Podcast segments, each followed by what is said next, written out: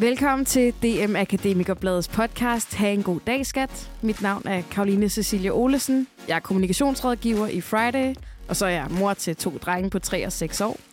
Dem kan jeg rigtig godt lide. Jeg kan også rigtig godt lide at gå på arbejde. Så øh, det har jeg lavet en podcast om. Ha' en god dag, skat. Vores kolleger er en gave for vores arbejdsliv, og mange af os vil gerne investere meget i at holde en god relation til dem, vi går på arbejde med. Men som forældre kan det være svært at vise vores kolleger hele vores potentiale og gode humør, fordi vi periodvis mangler både tid og overskud. Og når vi oven i købet er nødt til at forlade arbejdspladsen tidligt flere dage om ugen for at nå en hentning, inden det begynder at blive pinligt, kan den dårlige samvittighed over for vores kolleger begynde at tage overhånd. I dag skal jeg tale med et kollegapar, der står i to vidt forskellige livssituationer. Den ene har børn, den anden har ikke. Til at hjælpe os med at forstå, hvad dette præcis gør ved kollegers dynamik, har jeg inviteret dig, Rikke Dahl Pabian. Du er psykolog med speciale i arbejds- og organisationspsykologi. Velkommen til, Rikke. Tak. Og så har jeg jer to tidligere kolleger. I er begge to konsulenter. Michelle Bøg Talund, du er mor. Og så har du øh, to børn. Du har en på fem og en på halvandet. Er det ikke rigtigt? Det er korrekt. Og så har jeg dig, Camilla. Du har ikke børn. Nope, det har jeg ikke. Men øh, det er jo også rigtig godt. øhm, jeg har inviteret jer to, fordi I jo har arbejdet sammen, men så også fordi I står i situationer i hver eneste dag i jeres arbejdsliv, hvor I skal håndtere det her med, at I har børn eller ikke har børn. Øhm, og så har I kolleger, der står i andre situationer end jer, som I også skal håndtere. Michelle, vi starter lige på hårdt. Hvordan er det for dig at have børn, og hvordan kan du se forskellen over for dine kolleger, der ikke har børn? Jamen, jeg tror, jeg kan svare meget kort på det. Det er tid. Ja. Jeg har jo øh, markant mindre tid end øh, mine kollegaer uden børn. Ja. Øh, og så vil jeg også våge påstå, at øh, mine kollegaer uden børn, de øh, får lidt mere søvn, end jeg gør. Øh, det er i hvert fald sandsynligt. Det er meget sandsynligt. Øh, jeg har ikke altid i verden øh, på kontoret, øh, og skal prioritere min tid anderledes, og øh, sover også lidt anderledes, øh, spiser lidt anderledes, lever bare mit liv helt anderledes. Øh, så, øh, så tid er den største forskel. Kan du huske, hvordan du var før, dengang, hvor du ikke havde børn? Ja, det kan jeg godt. Hvordan var du dengang? Øh, dengang, der øh, levede jeg nærmest på kontoret. Jeg arbejdede rigtig, rigtig meget, og jeg kunne godt lide det. Mm. Jeg elskede mit arbejde, og det gør jeg stadigvæk. Øh, men efter jeg har fået børn, så er mit arbejde blevet sekundært. Fordi at øh, mine børn, det er det vigtigste i mit liv. Mm. Øh, men det betyder ikke, at jeg ikke brænder for mit arbejde, fordi det gør jeg. Øh, men jeg går tidligt fra kontoret for at prioritere at være sammen med mine børn, uden at øh, det er totalt ulveteam. Mm. Øh, og så arbejder jeg om aftenen i stedet for. Okay, så for at opfylde de her famøse 37 timer, så sidder du og arbejder der. Gør du så noget ekstra for at bevise over for dine kolleger, at, øh, at alle timerne sådan set bliver opfyldt? Det gjorde jeg i starten, ja. Du følte et behov for det? Ja, det gør jeg. Jeg havde enormt dårlig samvittighed øh, over for mine kollegaer uden børn, men også for mine ledere og virksomheden generelt.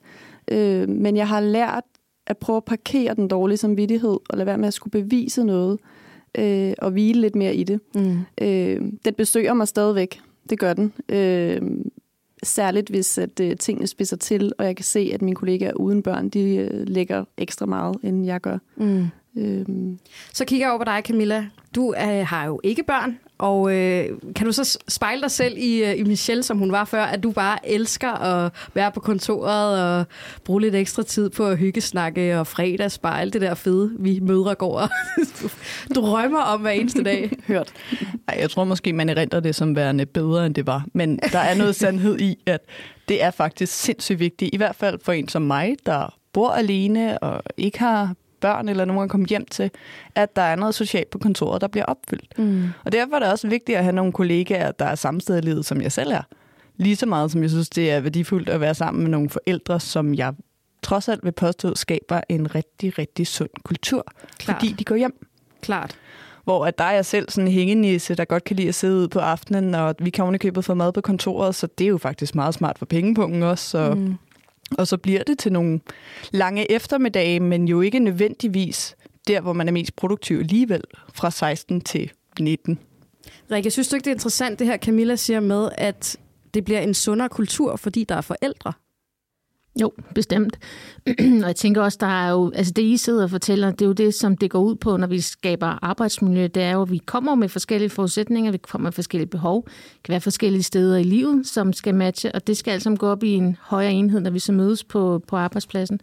Så, øh, og jeg, jo, jeg er enig i det, du siger med, at man kan godt i virkeligheden komme med en lidt sundere kultur, når man er forældre, fordi man går hjem, men også fordi man lærer faktisk rigtig mange ting som forældre. Man lærer at multitask, man lærer at udskyde sine egne behov, man lærer rigtig mange ting, øhm, som man kan sige, at man måske ikke havde med sig før, hvor det var meget mere øhm, ensartet fokus, man, man kunne have.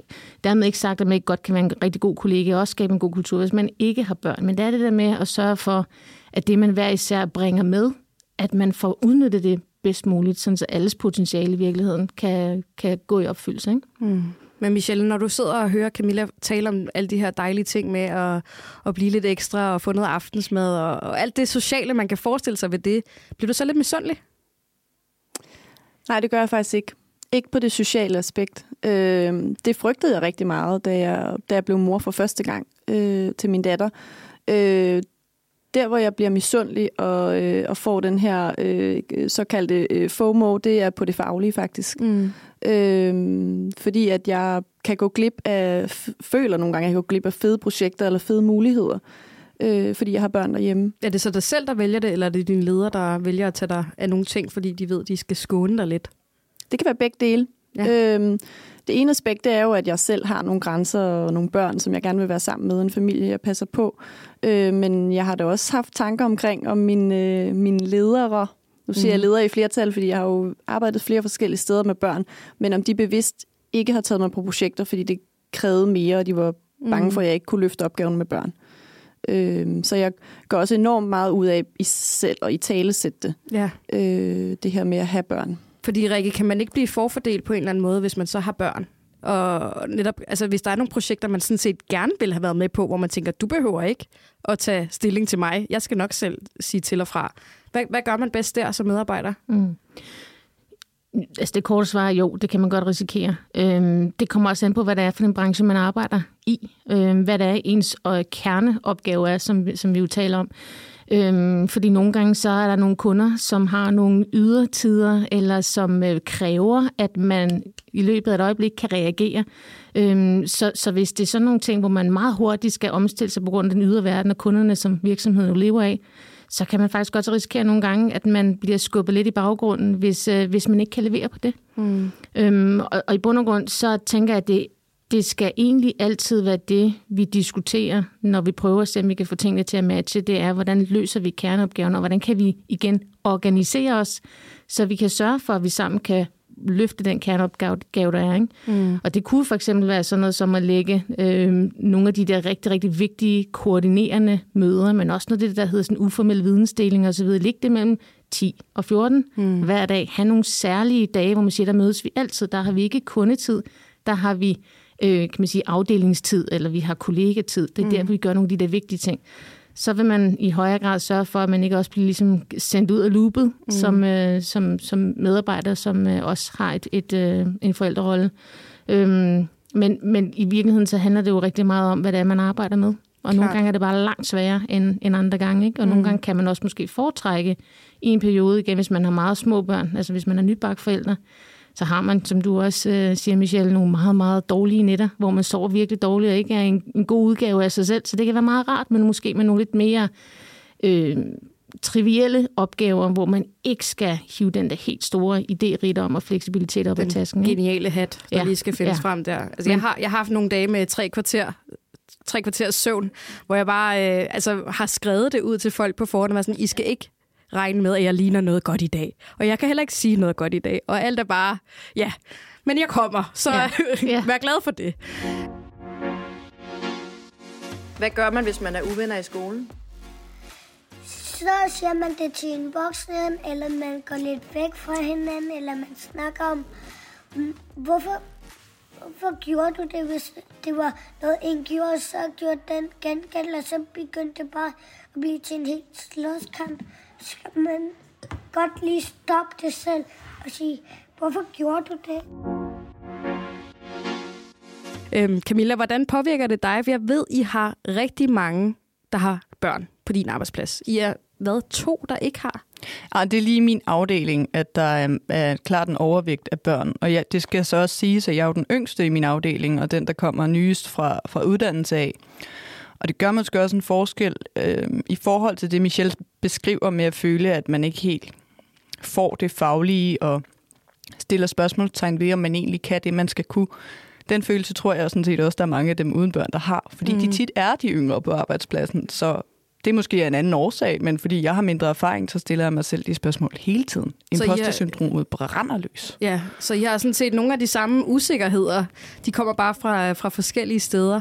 Men der må også være noget rent praktisk i, at Michelle for eksempel går hjem klokken tre, og så sidder der nogen, der skal tage over på en eller anden måde, fordi hvis der så netop, som du siger, Rikke, kommer noget fra kunder øh, i det tidsrum, så er det jo bare dig uden børn, der hænger på den.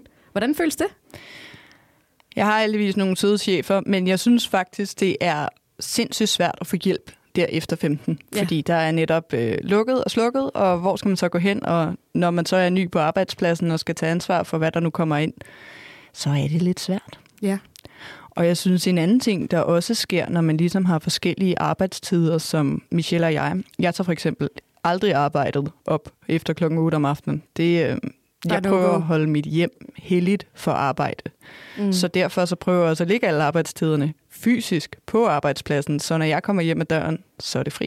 Så tænker jeg også, du er nødt til nærmest at slå dine notifikationer fra. Netop. Fordi der må sidde nogen, der sender ting til For dig. så begynder alle småbørnsforældrene at svare på de mails, som de ikke svarede på kl. 15. Åh, oh, kender.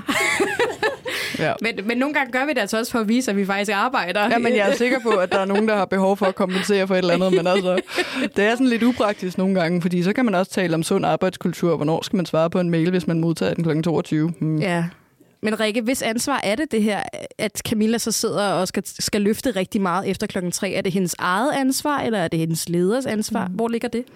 Altså, det er jo en af vores øh, absolute kæpheste der i, uh, i JobLife, hvor jeg arbejder lige nu, altså arbejdsmiljørådgivning, og det er jo, at arbejdsmiljø er altid et samarbejde. Mm. Øhm, det, det handler jo netop om, at der er nogle ledere, der selvfølgelig går ind og siger, nu skal vi tale om det her, nu, nu har vi nogle udfordringer, fordi ja, så kommer småbørnsfamilierne øh, øh, på klokken 8 om aftenen, fordi der er der blevet puttet, så er der lidt fred og ro der, og så er der andre, der sidder og tænker, gud, kan jeg, altså, skal jeg også sidde og være på der? Nu har jeg jo arbejdet til klokken 17.30, nu skal jeg kasse på igen og have de der snakke. Og det er altså snakke, der skal foregå, når man er sammen i arbejdstiden. Ikke til fredagsbarn, men i arbejdstiden.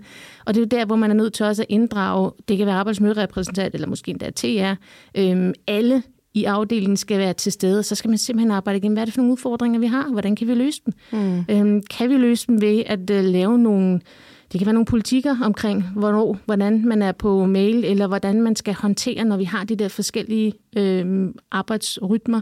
Øh, der er også bare det her i det med, at uanset hvordan og hvorledes vi vender det drejer det, så er der som regel sådan tre grundlæggende behov, når vi går på arbejde. Det ene, det er ligesom at have noget at leve af. Altså, vi skal have en løn, vi skal have en, en, også en struktur og så videre, som vi kan øh, bruge til også at leve resten af vores liv med. Mm. Så er der altså også det her med øh, noget at lade nogen at leve med. Det er det der med at få det sociale behov opfyldt. Altså, der er rigtig mange, der har mange tætte fællesskaber og tætte relationer på, på arbejdet. Og så er der det sidste noget at leve for. Mm-hmm. Som i virkeligheden er det her med at vide, at man kan bruge sådan noget, føle, at man bidrager, og føle, at man har et formål at stå op til.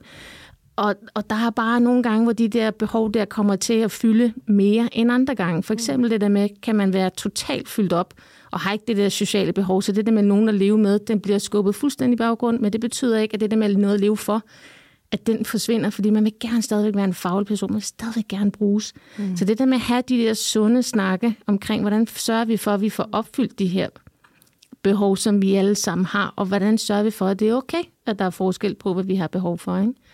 Øhm, det er man simpelthen nødt til at sætte tid af til at, at snakke om, hvis man skal have det bedste ud af alle, og det vil vi jo gerne. Fordi jeg er sikker på, at øh, Michelle har nogle ting, som er, hun er vanvittigt god til at bidrage med.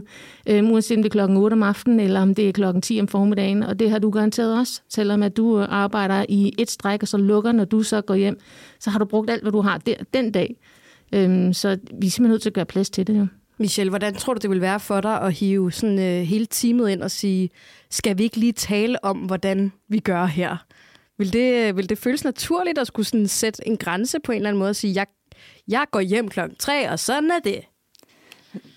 Hmm. Jeg tror ikke, det vil føles naturligt, nej. Men jeg har, jeg har tænkt over, at det burde være mere i talesat, som du siger.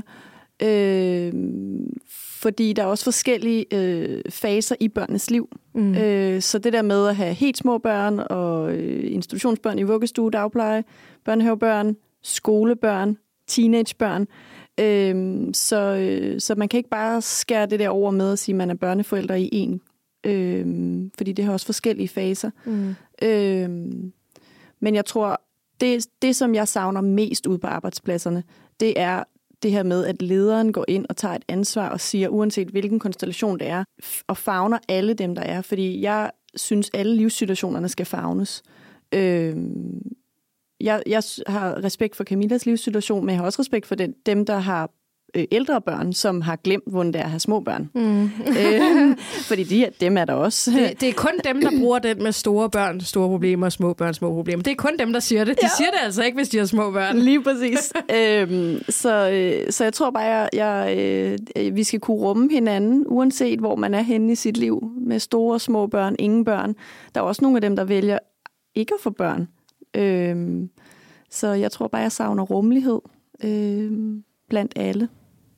Ja. Der kan også godt, altså nogle gange kan det være en lille smule svært at forstå, hvordan det er at have børn, når man ikke selv har dem. Jeg fortæller mig selv, at der er nok ikke nogen oplevelse som den at få børn. Noget, der er så revolutionerende for dit liv. Men blandt forældre kan der godt opstå sådan en tendens til, vi ved alle sammen, hvad vi snakker om. Ja, ja.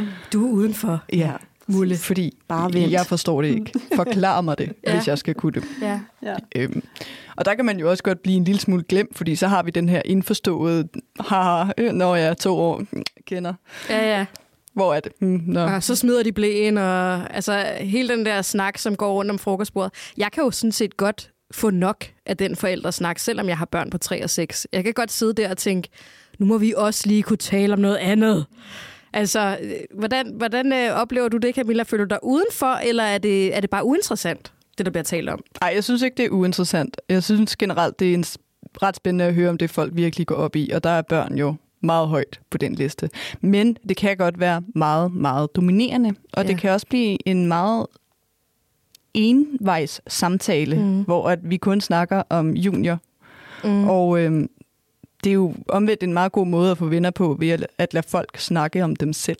Øh, Klart. Det kan vi alle sammen rigtig godt lide, så, og det er der rig mulighed for, hvis man snakker med småbørnsforældre. Men jeg synes godt, det kan være meget dominerende, netop fordi, at øh, vi er et team, hvor vi kun er to, der ikke har børn. Mm. Så, men så kan vi så sidde og sende hinanden et blik over, vi har haft tømmermænd i fredags og mm. lørdags, mm. og måske også i søndags, eller hvad man nu har. Det er jo ikke pangdangen til at være småbørnsforældre, at man går i byen hele tiden, men man har også et liv. Ja. Og et andet liv. Jeg kan godt mærke på mig selv, at hvis jeg for eksempel har været ude en fredag, og, og føler mig virkelig ung på den måde, så bliver jeg meget sådan, hø, hø, nu er jeg en af jer. Altså bliver sådan meget gammel at høre på på en eller anden måde, fordi jeg sådan prøver at opsøge det der unge fællesskab, og jeg kan godt mærke, at det, det er ikke særlig god til. Hvad hedder det? Rikke, er der nogle virksomheder, som gør det her rigtig godt, som formår at skabe nogle kulturer, hvor at det, der er fuldstændig rum til at være, hvem man er, og have det, man kommer med? Du behøver ikke nævne eksempler. Jeg tænker mere bare, om, øh, om du måske ser nogle strukturer, som fungerer rigtig godt. Mm. Altså vil sige, det de har til fælles, dem som, som jeg selv har, øh, har oplevet gør det godt, det er blandt andet det der med, som du også siger, Michelle, at, at lederen er sit ansvar bevidst i forhold til, at det er mig som leder, der skal gå forrest med at sørge for, at vi tager snakkene, sørge for at rammesætte det, og så sørge for os, at vi øh, i samarbejde med dem, der nu skal inddrages der, også overholder de der de leveregler, vi laver. Ikke?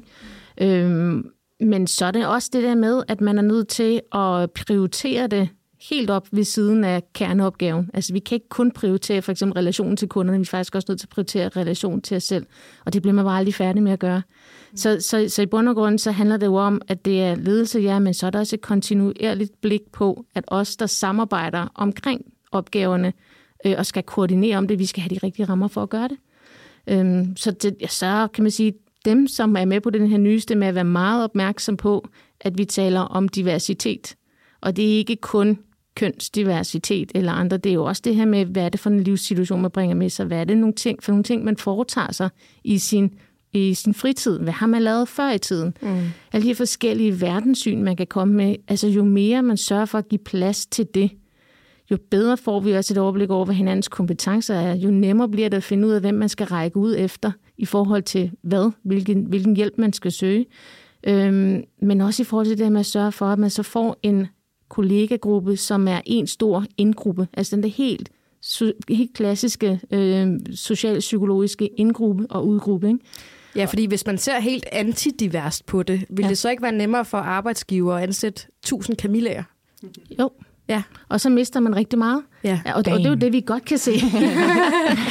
og, og når vi, når vi bevidst begynder at gå efter de her mennesker, som er forskellige, har forskellige ting at byde ind med, så skal vi simpelthen også gøre plads til konflikter. Fordi det skal opstå, og konflikter er ikke farlige. Mm. Konflikter på arbejdspladsen skal sådan set være der, fordi det giver os mulighed for at arbejde med alt det, der ligger bagved. Og så har vi gødet jorden, hvis vi gør det på en god måde, så har vi gødet jorden til næste gang, der opstår noget. Og så bliver man faktisk dygtigere og dygtigere som menneske og som virksomhed til at tage de der ting. Og så opstår der bare nogle fede idéer og nogle fantastiske løsninger. Så man kan se det som en investering fra virksomhederne, ja. at de øh, bruger tid og energi på at fagne så bredt som muligt. Ja, præcis. Men det er jo ligesom øh, rigtig mange andre aspekter af diversitetsdebatten. Ja. Men det har jeg aldrig tænkt over. Svær. Mm. Altså, hvor er det svært at ryste mennesker, der er så forskellige og så forskellige steder i deres liv ja. sammen. Altså selv når man gør det på en arbejdsplads, så finder vi jo indgrupper i indgruppen. Ja. Mm. Med folk, der ligner os selv. Og jeg ja. kender også konsulenthuse, som, hvor du simpelthen kan vælge din egen leder, afhængig af, hvor du er i livet. Så du kan finde en leder, der er mere samme sted som dig. Og det er på den ene side mega fedt, mm. og så kan jeg finde en, der er på samme karrieretogt som jeg selv. På den anden side også en lille smule tamt. Mm. Fordi så får jeg jo ikke noget input fra nogen, der ikke ligner mig. Nej, så bliver det ikke nogen blandet gruppe med forskellige input. Nej, lige nok det. Okay, det er meget interessant. Jeg vide, hvordan de lige har regnet det ud. De har nok ikke talt med Rikke. Næppe. Nej, men det gør det dejligt nemt, ikke? fordi vi skal ikke tænke så meget om, hvis dem, der er i selskab med os, de er, de er på samme måde som os. Ikke? det er det, vores hjerner gerne vil. De vil gerne lave den der genvej der, så vi skal tænke for meget over det. Og det er anstrengende for os at tænke for meget over de andre mennesker, og hvad de vil, og hvordan deres behov nu er dækket, og hvordan vi så lige, hvordan skal jeg lige rette mig ind her, og så videre. Men, men det er vi altså nødt til i hvert fald en del af vores tid på, på arbejdspladsen, ikke? Hvis, hvis, vi, hvis vi skal have det bedste ud af os alle sammen.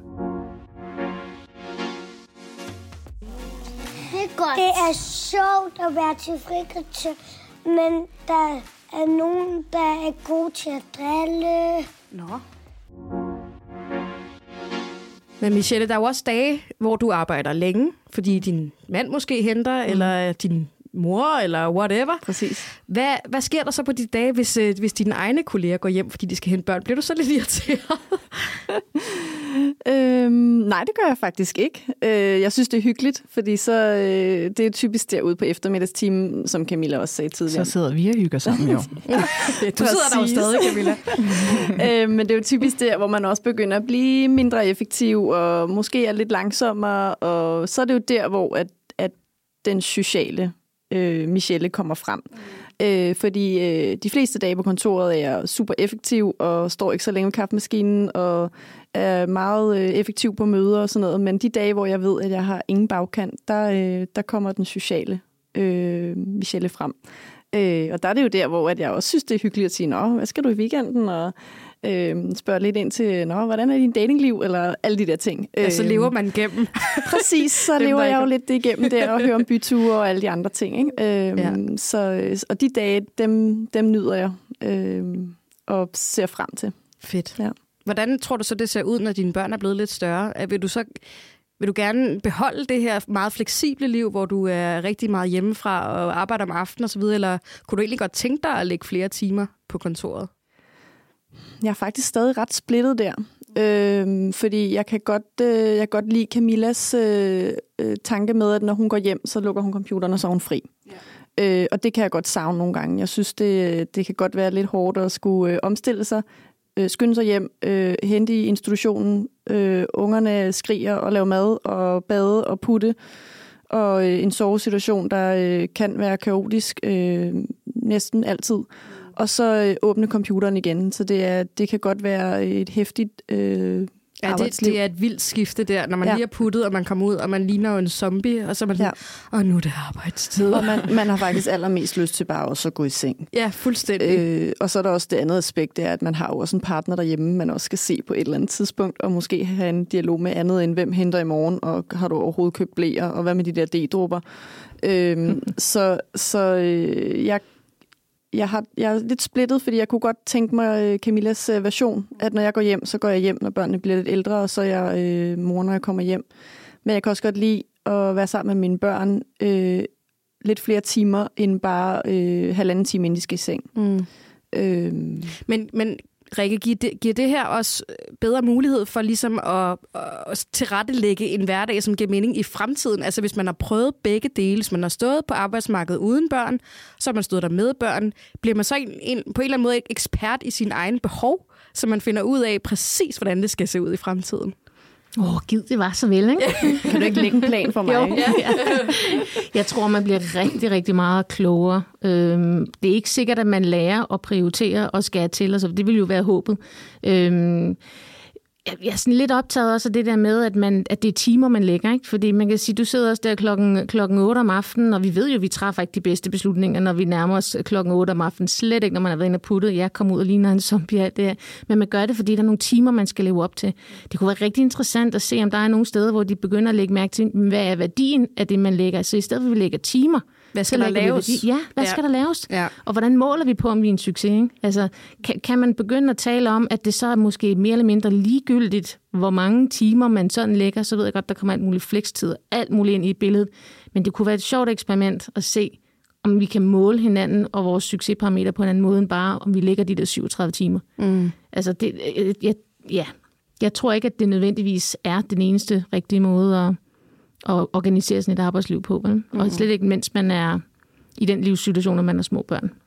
Camilla, hvordan er din fleksibilitet selv? Altså, vælger du også at gå hjem en gang imellem, fordi du bare kan mærke, at den er der ikke? Jeg er sindssygt fleksibel. Det er nok et af dem, de punkter, jeg kan sælge mig selv bedst på, at jeg er super tilpasselig over for min arbejdsgiver. Der er selvfølgelig dage, hvor jeg vælger at gå hjem. Der er også dage, hvor jeg har planer, jeg ikke kan undvige fra, og må gå lige så tidligt som, som småbørnsforældrene. Jeg arbejder selv på en arbejdsplads, hvor vi har flekstid, og hvor man netop, der, øh, der kan du indhente nogle timer, hvis du går over 37, og så kan du, skal du så Mm. arbejde noget mere, hvis du er under 37 på et andet tidspunkt. Og det giver jo mig en stor fleksibilitet, som jeg ofte bruger på så at tage en helt fridag, og så tage på en forlænget weekend et mm. sted. Øh, Føler du så, at, at folk kigger på dig, hvis du for eksempel går tidligt? Fordi du jo ikke har en undskyldning. nej, det synes jeg faktisk ikke, de gør. Men det kan også være, at de bare glemmer, at jeg ikke har børn. Jeg kan, jeg kan blive helt glad, Camilla. Jeg er sådan, yes, Ja. du kan også gå tidligt. ja. Jamen selvfølgelig kan jeg det, og jeg har jo også passionsprojekter ved siden af arbejdet, som jeg går op i, og som Mm. er vigtige for mig, og som der skal være plads til. Men der, hvor jeg har stødt på en udfordring, nu har jeg for nylig været i en ansættelsesproces, hvor jeg har talt med mange forskellige arbejdsgivere, og vi har selvfølgelig også talt om kulturen. Der, hvor jeg kan møde, at der i hvert fald er forskellige holdninger til, hvordan man skal arbejde, det er faktisk nogle gange, hvis jeg har været til samtaler hos en leder, som netop har børn, som netop sætter sig på, ved computeren kl. 8 på en hverdag, som netop har tid til at være der søndag aften, Mm. og som forventer, at jeg er det også. Fordi Sker det stadig? nogle steder, Ja. ikke alle, okay. bestemt ikke alle, men jeg har været til samtaler, hvor jeg måtte sige, at det gør jeg ikke. Jeg Mm. holder meget af at holde telefonfri søndag, hvor jeg simpelthen slukker fuldstændig. Altså, så kan du ikke ringe, selv hvis det brænder.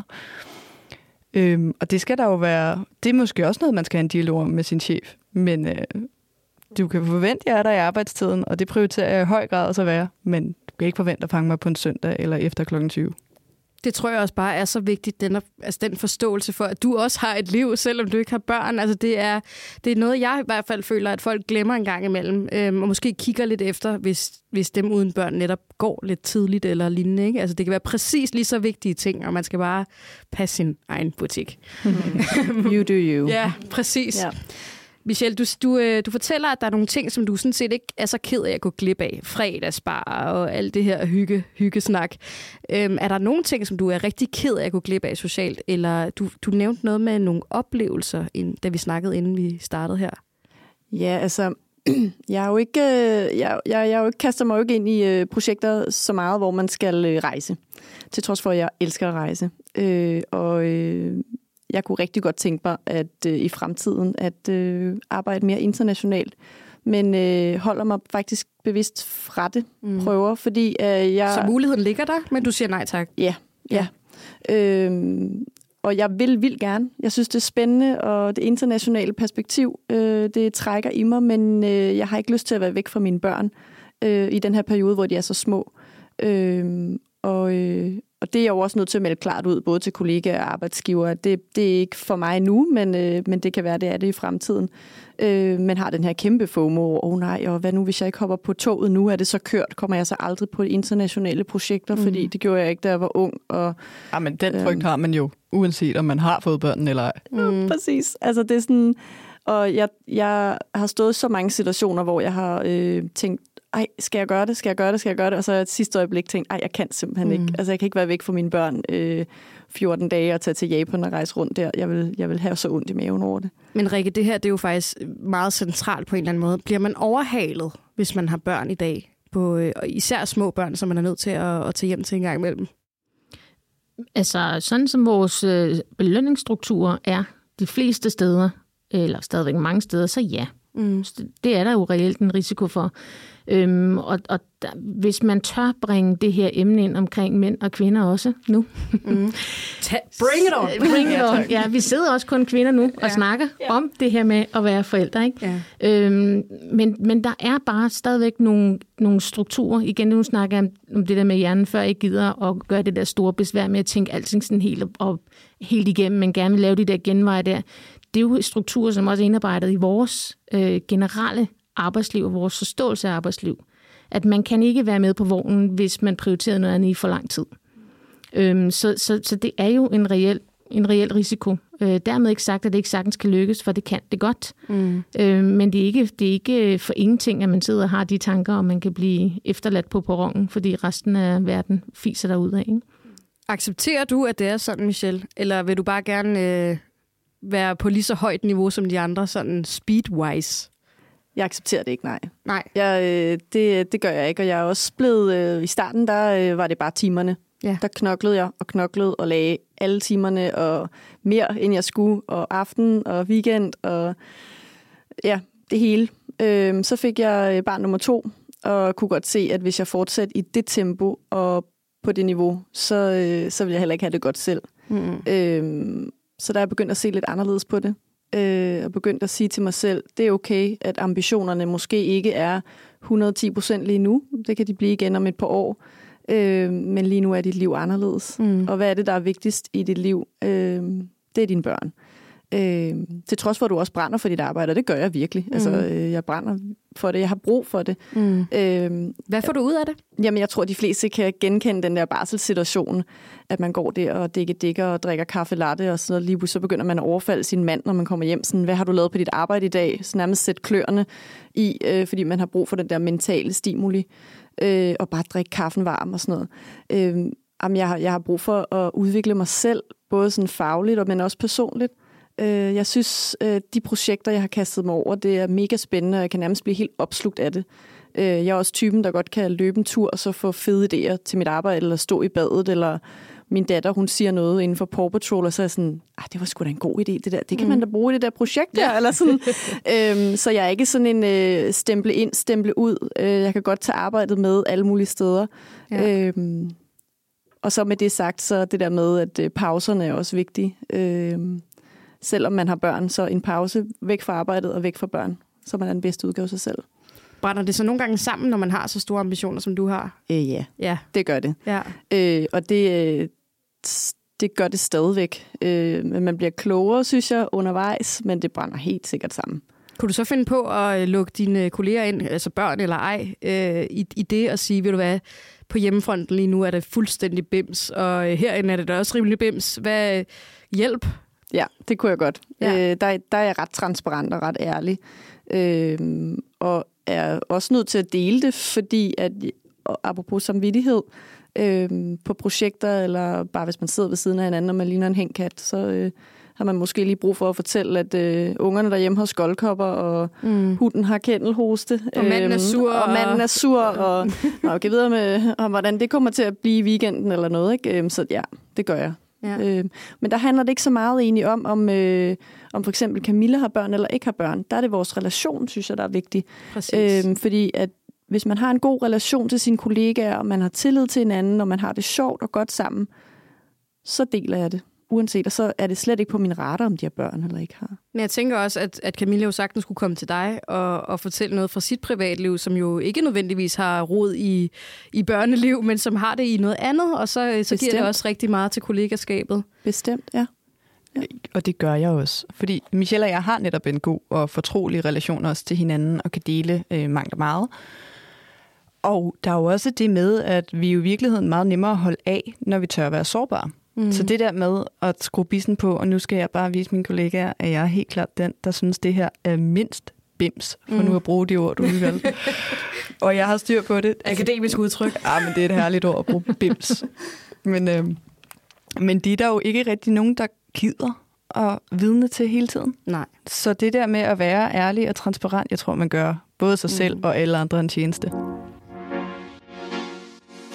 Men Rikke, der har jo været en eller anden form for øh, usagt regel om, at når du tager på arbejde, så ligger du det private, altså om din far er syg, eller om din hund lige er blevet øh, steriliseret, og der er blod over det hele, eller whatever. Det ligger du ligesom, når du tager på arbejde, og når du så kommer hjem fra arbejde, så ligger du arbejdet fra dig, og så skal du helst ikke øh, føle dig påvirket af det øh, derhjemme. Altså dine børn skal helst ikke kunne mærke, hvis du har en eller anden arbejdskrise, eller, eller sådan. Hvordan er de balancer i dag? Flyder de lidt, eller hvad sker der? Ja, de flyder jo rimelig meget, kan man sige. Øhm, og det er jo også blevet sværere og sværere at holde den her øhm, grænsen imellem, hvornår man er på arbejde, og hvornår man er, man er derhjemme, og man er privat. Det er work-life balance. Øhm, og så er der jo bare det faktum, at det er, jo, det er jo det samme hoved, det er jo den samme hjerne, du har med dig. Så du kan ikke bare... Altså, det er jo de færreste der har sådan en klap, der bare kan gå ned, og så er man fuldstændig adskilt og er bare på hvis man i virkeligheden er enormt øh, træt, eller er bekymret, eller har nogle andre ting, man, man bumler med eller bøvler med i øjeblikket. Ikke? Mm. Øhm, og så kan man sige, at der er også noget, nogle tendenser, der viser, at øh, igen med de nye, eller de yngre generationer, der kommer ud på arbejdsmarkedet, de har en anden forventning om, at de kan tale frit. Om deres privatliv. Ja, når ja. De også, og, og det tænker jeg også er med til at, at skubbe det i, øh, i den retning, i en nok en, en sundere retning. Kan de så møde ledere, som slet ikke er med på den? Sagtens. Ja. Altså, øh, og, og jeg, vil sige, jeg har da flere gange også stødt på den her med, at man skal lade være med at øh, sidde og tale så meget privat, eller sidde og, og bruge så meget tid på at snakke ikke relevant snak og så videre, og brokke sig og alt det her. Men faktum er sådan set bare, at vi er nødt til at have en eller anden form for ventil for nogle af de ting, vi går med. Så kan vi jo sætte øh, rammer rundt om, der vi kan sætte nogle tidspunkter på og så videre. Men, men vi skal jo sådan set også kunne være, være der og være hele mennesker.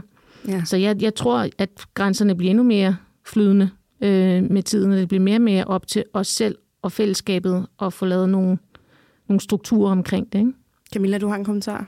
Ja, det er faktisk fordi den her øh, snak, der går på work-life balance, den synes jeg også kan være enormt todelt på en måde, der ikke er nødvendigvis sund. Altså, jeg har ikke lyst til ikke at være mig på arbejde. Nej. Jeg er også den, jeg er på arbejde, når jeg tager hjem fra arbejde. Mm. Og jeg synes i virkeligheden mere, at man skulle tale om øh, bare balance mm. i eget hoved. Øhm, men jeg synes også, man skal være opmærksom på, hvilke dele af sig selv, man måske viser til en ledelsessamtale, for eksempel med en en-til-en med sin chef. Altså man skal være opmærksom på den energi, man vælger at sprede. Ja. Fordi der skal ikke mere end to brokhoveder, undskyld udtrykket, men til i et storrumskontor, før at hele kulturen faktisk er ødelagt. Fuldstændig. Så vær den du er, men tag en god energi med, hvis du har den. Jeg tænker heller ikke, at man behøver at gå på kompromis med sin profe- professionalisme.